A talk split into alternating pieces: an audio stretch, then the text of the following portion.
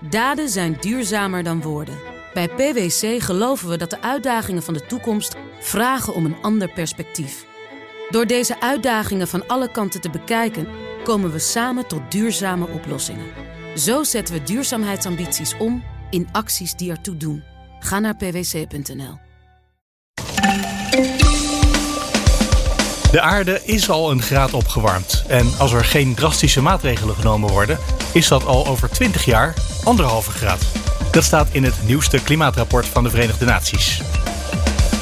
De controle op negatieve tests en vaccinatiebewijzen op luchthavens blijkt verre van waterdicht.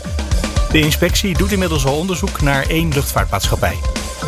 En als onderdeel van het pensioenakkoord kunnen ZZP'ers meer belastingvrij sparen voor hun pensioen. Maar kenners verwachten dat daar niet veel gebruik van gemaakt zal worden. Dit is Nieuwsroom, de dagelijkse podcast van het Financiële Dagblad en BNR Nieuwsradio. Met het nieuws verteld door de journalisten zelf. Ik ben Mark Beekhuis en het is vandaag maandag 9 augustus. Hallo, Orla McDonald van het Financiële Dagblad. Goedemorgen. Uh, jij doet uh, alle klimaatberichtgeving, mm -hmm. altijd. Dus vandaag moet een topdag in het jaar zijn. De presentatie van het nieuwe rapport van het IPCC, de VN-organisatie. Die het klimaatonderzoek uh, ja, voor de beleidsmakers samenvat. Hè? Ja, nou zo gezegd uh, kan je dat inderdaad wel zien als een uh, belangrijke dag. Ik was ook zeker wel benieuwd wat er in dit nieuwe rapport zou staan. Al is de uitslag ook weer niet heel onverwacht.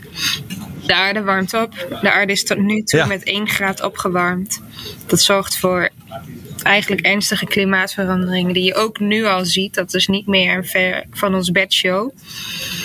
Het zorgt voor droogte, um, extreme regenval. Dat heeft natuurlijk bosbranden tot gevolg. Overstromingen. Nou ja, we hebben het deze zomer eigenlijk allemaal wel gezien. Maar natuurlijk ook de vorige ja. zomers wel. Het was uh, volgens mij ja, de, de, vorige zomer en die zomer ervoor in Nederland zo warm dat het watertekort, of de, de waterpeil zeg maar, voor de boeren ook uh, te laag was. Nou ja, er zijn al overstromingen geweest in, in China en in Californië zijn er bosbranden geweest. Het is niet dat je dat van ieder individuele natuurramp kan zeggen, nou dit is klimaatverandering. Maar de kans op dat soort extreme weersomstandigheden neemt wel enorm toe naarmate de aarde opwarmt. En dat is wat dit rapport ook laat zien. Ik heb ook een stuk van de persconferentie gekeken. En wat mij opviel, meestal zijn dit soort klimaatwetenschappers heel neutraal. Die zeggen gewoon, uh, met dit scenario gebeurt er dat. De toon was wel zeer, uh, agressief is niet het goede woord, maar echt wel we moeten nu iets gaan doen. Het kan ook allemaal nog. Een van de zinnen die ik eigenlijk wel heel erg dramatisch vond, was een van de wetenschappers die zei: We hebben de hoop nog niet verloren. Ja. Maar het feit dat zo iemand zo'n zin verzint, suggereert dat hij wel denkt dat we daar vlak voor staan. Dus dat het met het klimaat niet meer te redden valt. Nou ja, deze organisatie, IPCC, dat is eigenlijk het klimaatpanel van de Verenigde Naties. En bestaat natuurlijk al 30 jaar. Ze hebben al zes keer zo'n rapport over klimaatverandering uitgebracht. En waar het 30 jaar geleden vrij genuanceerd was. En de, eigenlijk, de wetenschappers eigenlijk ook niet wisten of klimaatverandering nou komt door de mens of niet. Um, is dat nu anders. De, de modellen zeggen eigenlijk dat de mens onmiskenbaar zorgt voor uh, uh, alle extra broeikasgasuitstoot waardoor de aarde opwarmt. Dus in die 30 jaar is hun wetenschappelijke boodschap eigenlijk ook wel steeds meer veranderd naar een ja, wat hardere, misschien zelfs meer politieke boodschap. Daarin schuilt natuurlijk ook meteen een gevaar. Maar uh, ja, de, de, toon is wel inderdaad echt waar. Ze waarschuwen ook echt. Ja. Ze hebben een hele mooie website gemaakt waarop je per regio kan kijken wat er gebeurt. Ja. En uh, het is helemaal niet onwaarschijnlijk dat we binnen, binnenkort, over een jaar of 20, 30, twee, ja, twee keer per jaar 35 graden of warmer krijgen in Nederland. Mm -hmm. dat, dat is natuurlijk iets wat je nu bijna niet kan voorstellen dat dat gewoon wordt. Ze rekenen dat met allerlei klimaatmodellen natuurlijk uit. Um, dat kan, kan je in het rapport inderdaad mooi zien. Hoe, hoeveel dan per graad of per halve graad de kans op een uh, hittegolf toeneemt. En ook um, hoeveel erger zo'n hittegolf dan uh, is. Ik zag bijvoorbeeld bij uh, als de aarde met anderhalve graad uh, is opgewarmd, dan is de regen die er valt 7% heftiger dan de regen die er nu valt, zeg maar. Op zo'n manier berekenen ze dat in die modellen.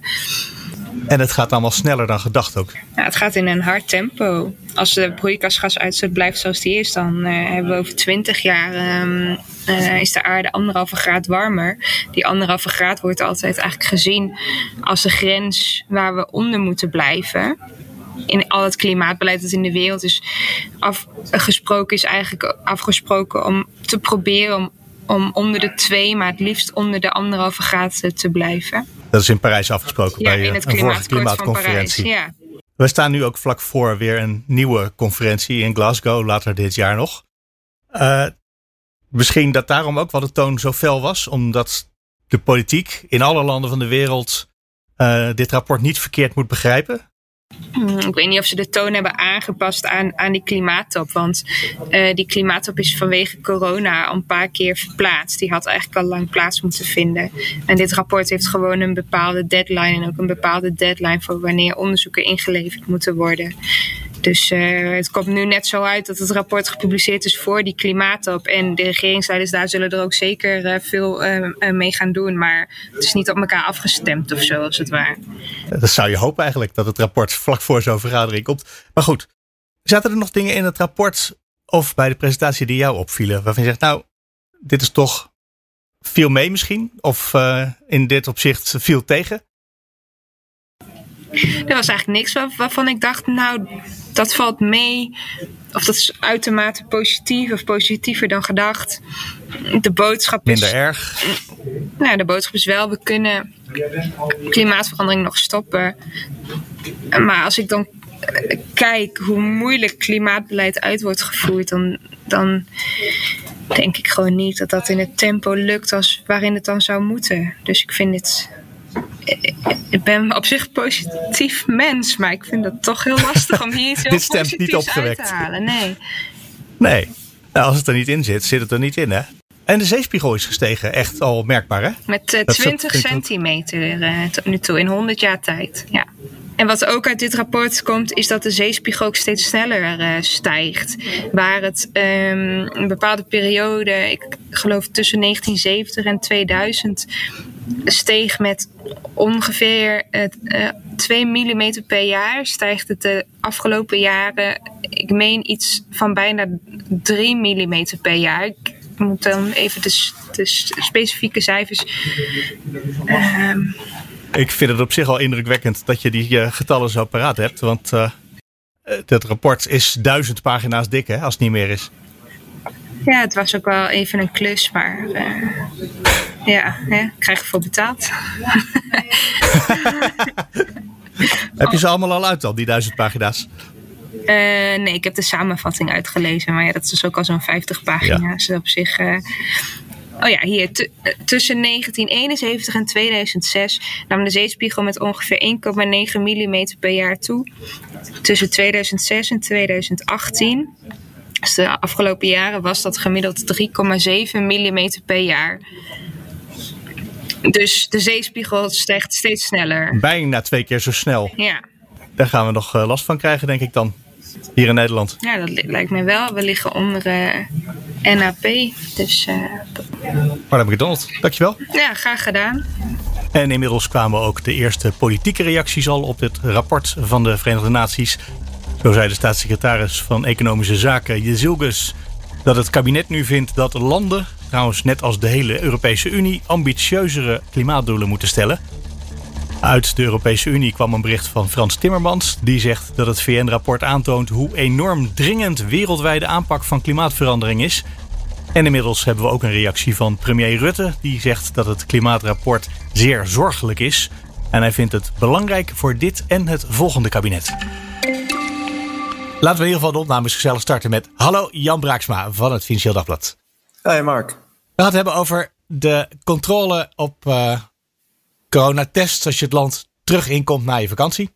Mm En dat loopt niet zo lekker. Nee, dat klopt. Het, uh, er, wordt, uh, uh, je bent verplicht nu om vanuit heel veel landen een negatieve test of een vaccinatiebewijs mee te nemen.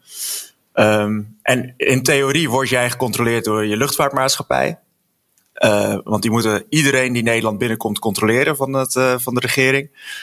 maar in praktijk blijkt dat niet zo waterdicht als gedacht. Dus uit steekproeven blijkt dat, tot in, in, blijkt dat het best wel vaak misgaat. En dat er mensen aan boord zitten die niet de goede papieren hebben. Dus eigenlijk niet hadden meegemogen op die vlucht.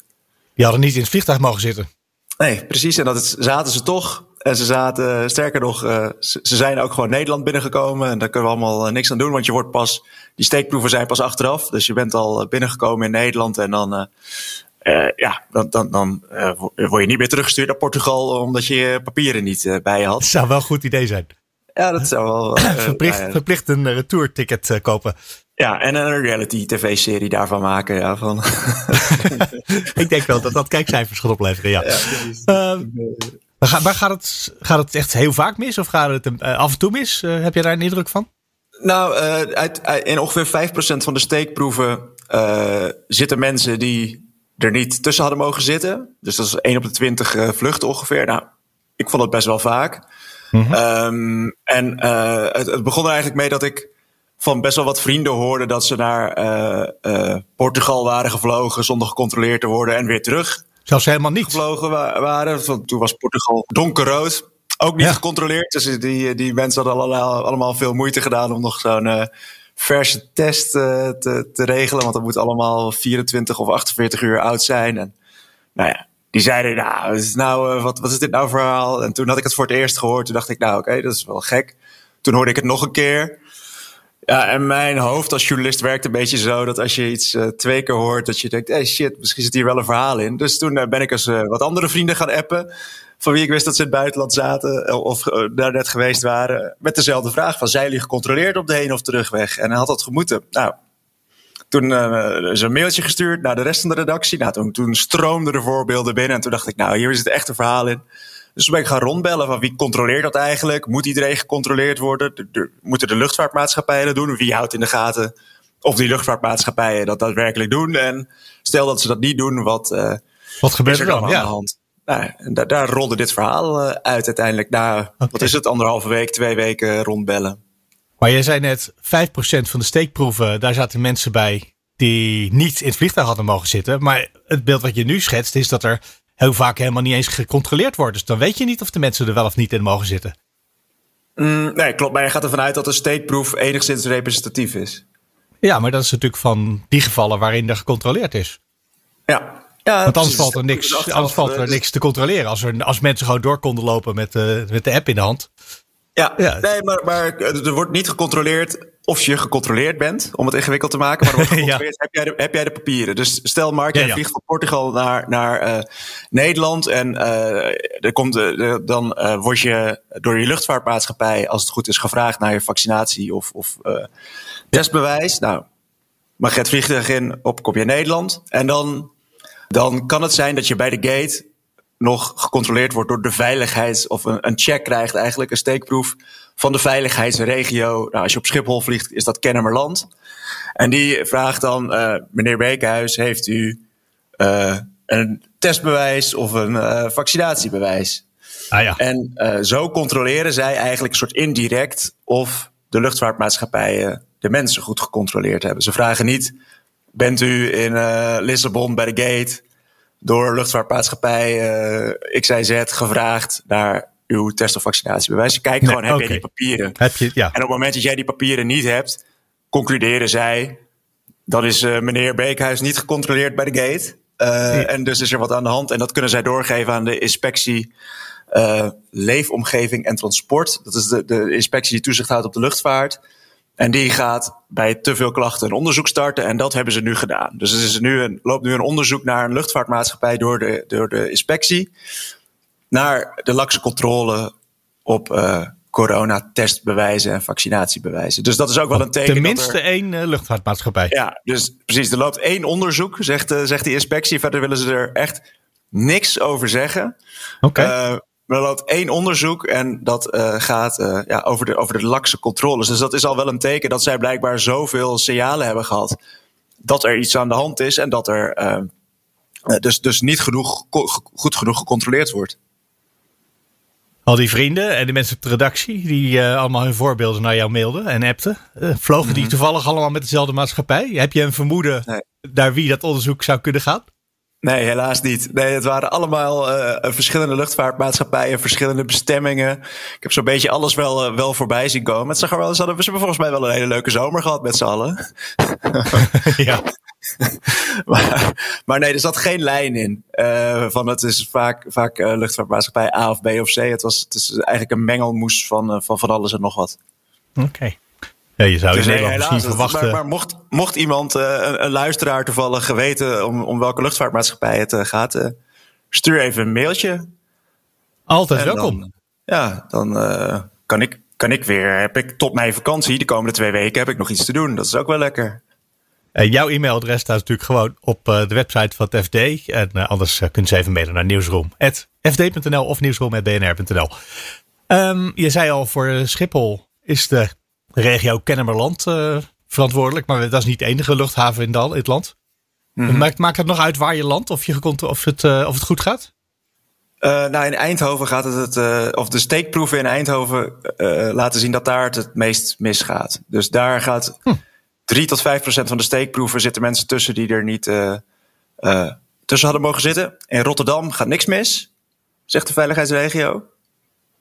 en is opmerkelijk. Op Schiphol op Schiphol hadden ze een, houden ze een iets ander percentage aan. Dus daar tellen ze het aantal passagiers. En zeggen ze niet zoveel procent van de steekproeven ging iets fout, maar zoveel procent van de mensen beschikten niet over de juiste papieren. Dus een klein, relatief klein percentage is geloof ik een, een half procent van de, uh, van de mensen die, die, die vliegt. Maar goed, als je inderdaad gaat wat er, hoeveel mensen er per dag over, door Schiphol komen telt het toch wel op tot een, tot een behoorlijk aantal mensen. En het, die strikte controles zijn. Hè, we hebben vaker in deze pandemie gezien dat er uh, uh, iets werd aangekondigd. Waar, waarmee wij dat virus in de gaten zouden kunnen houden. Hè, van uh, testen voor toegang en testen voor je, voor je reis nu. Ehm, nou, we hebben ook eerder in de pandemie gezien dat als je er niet zo goed op controleert, dat het dan wel eens misgaat. Zie uh, de jongeren die allemaal op eh, examenreis naar Albufeira waren. En uh, vrolijk daar tussen de Britten stonden te tongen. en het virus weer, weer mee terugnamen. En, uh, ja, komt allemaal voor. Dan, dan mag er wel. Dan, dan, en ook testen voor toegang, waar de, waar de controle ook niet helemaal waterdicht was. En we een soort explosie kregen van virusbesmettingen. Ja, dan, dan blijkt dus wel, als je niet goed controleert en je systeem niet goed optuigt, kan het in theorie nog zo mooi werken. Maar in de praktijk blijkt het dan uh, ja, toch gewoon weer, weer zo lek als een mandje. En uh, nou, daarom is het ook wel belangrijk, denk ik, dat daar goed op gecontroleerd wordt. En dat ook, ja, met, al klinkt het misschien één op de twintig steekproeven waar mensen tussen zitten, als je het allemaal bij elkaar optelt en de, de hoeveelheid personen uh, ja, daarbij in ogenschouw neemt, nou dan, heb je, heb je toch wel over veel mensen. Dan is het toch wel een teken dat er uh, het, het, de theorie heel mooi klinkt en in de praktijk niet zo lekker werkt. Het klinkt haast alsof er uh, niet één, maar nog wat meer onderzoeken nodig zijn door dat ILT, die inspectie. Ja, ja bijna wel, ja, als je het zo zegt. Wordt vervolgd. Jan Braaksma, dankjewel. Is graag gedaan. Hallo, Martine Wolzak. Goedemorgen, Mark. Van of goedemiddag misschien wel tegen de tijd dat iemand dit luistert. Uh, ja, goeienacht. Ja, dat is het leuke van een podcast. Ja, in elk geval, Martine Wolzak van het Financieel Dagblad. We gaan het hebben over het pensioen voor ZZP'ers. Uh, dat is lastig. Uh, veel ZZP'ers die sparen helemaal niet echt voor een pensioen. Er is nu iets opgelost. Alleen het is niet echt een oplossing voor het probleem wat er was, als ik het goed begrijp. zeg ik het zo, behalve dat het een beetje cryptisch is nog. Dat klopt wel, hè? Uh, ja, het gaat met name om het pensioen. En dan ook echt pensioen in de traditionele zin. Dus hè, dat je een, een levenslange uitkering krijgt van een verzekeraar of van een pensioenfonds of van een andere aanbieder van een lijfrente. Um, daar gaat het echt over. Er zijn natuurlijk heel veel ZZP'ers die ook gewoon. En, want ik weet altijd, zodra je het gaat hebben over pensioen voor ZZP'ers, dan zeggen ze altijd: Ik doe het zelf wel. Mm Ik spaar zelf, ik los mijn huis af. Uh, en dat een ZZP'er geen pensioen opbouwt, wil niet zeggen dat hij meteen aan de bedelstaf raakt. Desondanks is er al jaren een verhit debat over of ZZP'ers nou meer uh, pensioen moeten gaan opbouwen. Werknemers moeten dat verplicht doen. En dat is uh, best, best, een stevig deel van het salaris, wat apart gezet wordt iedere maand. ZZP'ers die moeten het zelf regelen. En dan kan je zeggen, ja, die hebben de vrijheid om het zelf te regelen. Uh, alleen, dat is al jaren met best wel ingewikkelde regels omkleed. Mm En een van de grote verschillen was altijd dat uh, ZZP'ers minder ruimte hebben om dat uh, met belastingvoordeel te doen dan werknemers. En dat gaat nu eindelijk gelijk getrokken worden. Dus in het nieuwe pensioenstelsel mag een ZZP'er net zoveel belastingvrij opzij gaan zetten voor later, voor het pensioen, als dat werknemers dat, dat mogen. Dat klinkt als een verbetering. Dat is het denk ik ook. Alleen wat wel opmerkelijk is, is dat veel kenners zeggen: ja, wij verwachten eigenlijk niet dat ZZP'ers hierdoor veel meer pensioen uh, gaan, uh, gaan opzij gaan zetten. Oh. En dat ze veel gebruik gaan maken van het belastingvoordeel. En ja, dat vond ik zelf in ieder geval wel opmerkelijk. Want ik, uh, nou ja, in alle jaren dat ik voor het Financieel Dagblad schrijf, ken ik toch heel weinig voorbeelden van Nederlanders die een belastingvoordeel graag laten lopen. ja ik ken juist ontzettend veel verhalen van mensen die niet altijd helemaal financieel verstandige beslissingen nemen. Juist maar er is een belastingvoordeeltje. Een belastingvoordeel op. Ja. En nu zijn er, dus, schijnt er een hele grote groep te zijn, tenminste anderhalf miljoen ZZP'ers, die zeggen, nou dat belastingvoordeel laat dat maar zitten. Uh, ik, ik doe niet mee. Ik doe niet via zo'n pensioen, maar misschien toch wat je net zei, het aflossen van het huis of op andere manieren sparen voor later dan zou je denken, dit is misschien wel eerlijk dat het nu gelijk getrokken is. Maar dan, is, dan was dit toch niet het probleem wat er was. Uh, want anders dan zou ze hier wel gebruik van gaan maken. Dat denk ik ook. En ik, er is natuurlijk een, een, een grote groep ZZP'ers die gewoon heel laag inkomen heeft. Uh, Dan kan je je afvragen van ja, dan kan je het wel uh, fiscaal aantrekkelijker maken. Maar als je toch al bijna geen belasting betaalt, ja, dan levert dat voordeel niet zo vreselijk veel op.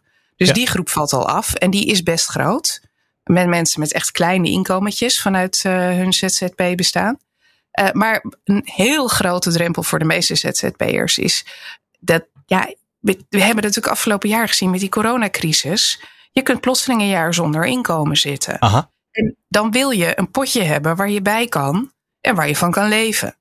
Nou, pensioen moet je apart zetten. En daar, staat dan eigenlijk, daar zit dan een slot op dat potje. Daar mag je niet zomaar geld uithalen. Als je het eh, in een lijfrenteregeling, zo heet dat dan, stopt, moet je een boete betalen als je het eruit haalt. Ja, daar word je natuurlijk niet heel blij van. Dus dat, dat, dat verandert niet met het nieuwe pensioenstelsel. Dat is natuurlijk ook de bedoeling. De bedoeling is dat mensen sparen voor hun pensioen. Daar hebben ze zelf ook besloten dat ze dat verstandig vinden. Uh, dus dan mag je, ja, ik, ik kan natuurlijk ook mijn pensioen niet alvast opnemen nu. Nee, dat klopt. Dus dat, dat is ook, uh, het vind ik ook een heel terecht argument. Werknemers mogen het ook niet. Dus ja, ZZP'ers ook niet. Maar aangezien het een vrijwillige regeling is, is het wel voorstelbaar dat zij de afweging maken. Ja, uh, ik, ik denk toch even aan nu.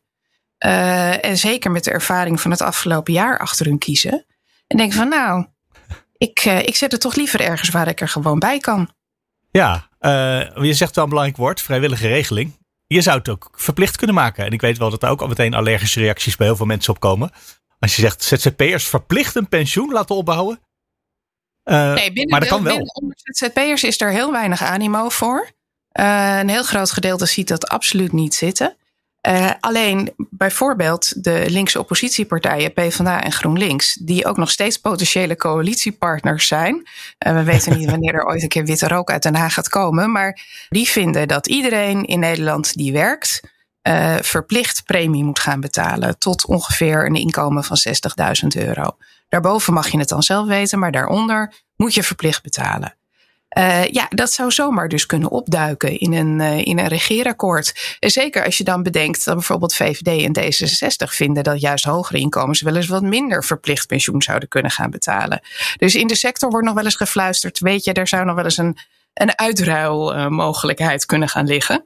De ene groep wat meer verplicht betalen en de ander wat minder. De ZZP'ers zelf, denk ik niet dat daar de handen voor uh, op elkaar Voor allebei die regels niet. Voor allebei die regels niet. nou, dan komt het er zeker door. maar dat betekent ook wat je nu zegt. Uh, deze regeling is nu ingegaan en die maakt het een beetje eerlijker. Hij is nog niet ingegaan. Hij gaat oh. in per 1 januari 2023 uh, en is onderdeel van die hele grote pensioenhervorming. Dus de, de Tweede Kamer moet hier nog mee instemmen. En uh, het is onderdeel van die hele stelselhervorming van pensioenfondsen, eh, de pensioenwet, de belastingregels die daarbij horen. En dit, dit zit er ook in dat, in dat pakket. Het is een enorme uh, verbouwing die ze gaan doen. Je zei het al, je zou misschien geld uit een uh, lijfrente willen kunnen opnemen als ZZP'er. Gewoon om het aantrekkelijker te maken om deel te nemen aan zo'n vrijwillige regeling. Want dat is nog steeds ook mogelijk dat het dat blijft. Zijn we er dan? Of zijn er dan nog meer uh, hoe heet dat, beren op de weg die uh, opgeruimd moeten worden? Een ander probleem is dat de meeste werknemers die hoeven gewoon eigenlijk, of ja, hoeven en kunnen niet nadenken. Mogen niet nadenken, nee. Precies, je mogen niet nadenken. Want je, je zit gewoon verplicht in die regelingen. Je zit verplicht bij een bepaald pensioenfonds. Je moet verplicht een bepaald percentage betalen. Um, ja, je kan er van alles van vinden, maar je kan er toch niks aan doen. Dat verklaart denk ik ook waarom ontzettend veel werknemers überhaupt zich met het hele onderwerp niet bezig houden. Een ZZP'er moet er dus wel over nadenken en moet het zelf gaan regelen en beslissen. Ja, die meeste mensen hebben ook wel wat anders aan hun hoofd. En die zijn aan het ondernemen en die zijn aan het werk. Ja. En nou is het dus best ingewikkeld, die regels rondom een, uh, hoeveel ruimte je ieder jaar belastingvrij in een potje mag stoppen. Dat is je jaarruimte. Uh, bij ZZP'ers is die nu ongeveer gemiddeld genomen 13% van hun inkomen. Uh, voor een werknemer is dat meer dan 30%, dus dat geldt nogal. Um, maar dat moet je iedere keer uitrekenen. Hoeveel ruimte je hebt en als je inkomen ook nog heel erg schommelt, zoals dat bij ZZP'ers nog wel eens wil gebeuren, mm-hmm. is dat best ingewikkeld. En er zijn dus ontzettend veel mensen die hebben daar gewoon geen zin in. Ja. Uh, die, die haken op dat punt al af en die denken laat maar zitten dan. Nou, als die ruimte veel groter is, dan is, wordt het natuurlijk makkelijker. Dan weet je, is de kans dat je er binnen blijft, dat dat wel goed zit, is gewoon bij heel veel mensen heel groot. Maar je kunt het nog makkelijker maken. En dat is gewoon, geef iedereen die werkt een standaardbedrag wat je ieder jaar sowieso opzij mag zetten voor je pensioen, zonder dat je gedonder krijgt met de Belastingdienst. Dan maak je het in ieder geval administratief voor ZZP'ers een stuk eenvoudiger. Maar juist de wat lagere en de middeninkomens, ook onder ZZP'ers, die het meest hier tegenaan hikken.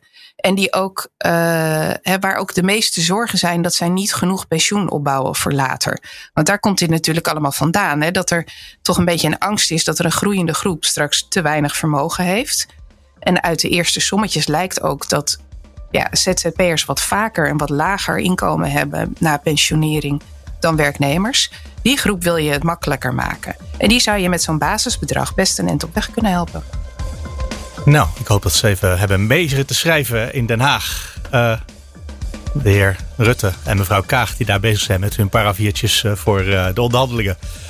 Ik weet niet of dit op de jaarviertjes komt, maar uh, het pensioenakkoord dat gaat in ieder geval de komende, het komende jaar nog wel een paar keer voorbij komen. Dus we gaan hier nog wel op terugkomen, denk ik. Martine Wolzak, dankjewel. Oké. En dat was hem voor vandaag. De show notes staan natuurlijk op bnr.nl slash nieuwsroom. Je kan mailen naar nieuwsroom.ft.nl of nieuwsroom.bnr.nl. En morgen zijn we er weer. Graag tot dan.